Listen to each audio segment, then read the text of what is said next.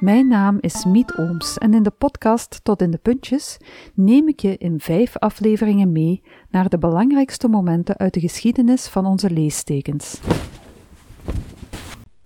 We brengen eerst een bezoekje aan Aristophanes van Byzantium, die met zijn leestekensysteem de boekrollen van de bibliotheek van Alexandrië toegankelijk heeft gemaakt.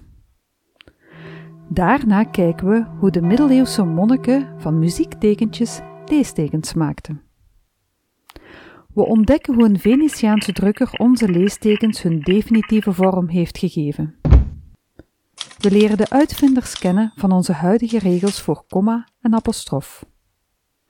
En we zien hoe sommige marginale en minder marginale leestekens een nieuwe carrière krijgen dankzij de computer en het internet. Tot in de puntjes is een smaakmaker voor en een aanvulling bij het boek Tot in de puntjes, praktische leestekengids, uitgegeven door Sterk en de Vrezen en vanaf februari 2022 te koop in elke boekhandel. Je vindt de podcast in je favoriete podcast-app en op de website taalverhalen.be.